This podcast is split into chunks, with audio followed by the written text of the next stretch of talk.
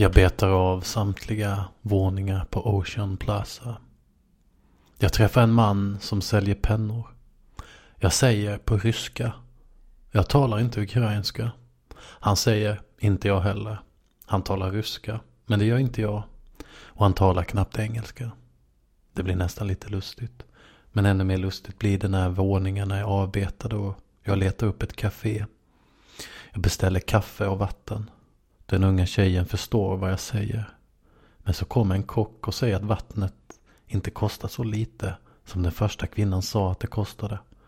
Det kostar mer. Och då säger jag att jag inte ska ha vatten utan bara kaffe. Sen sitter jag ner i ett hörn och väntar. Jag tittar ut på den stora plattformen framför köpcentret där människor, helt okända för mig, stryker förbi och in i det väldiga palatset. Jag härmar en som ser lugnt på tillvaron. Jag väntar på kaffe. Jag iakttar personalen och tycker att Sartre var en idiot när han iakttog servitörer.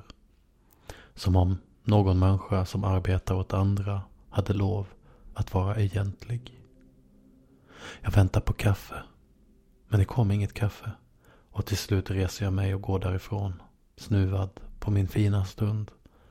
Och min fina scen.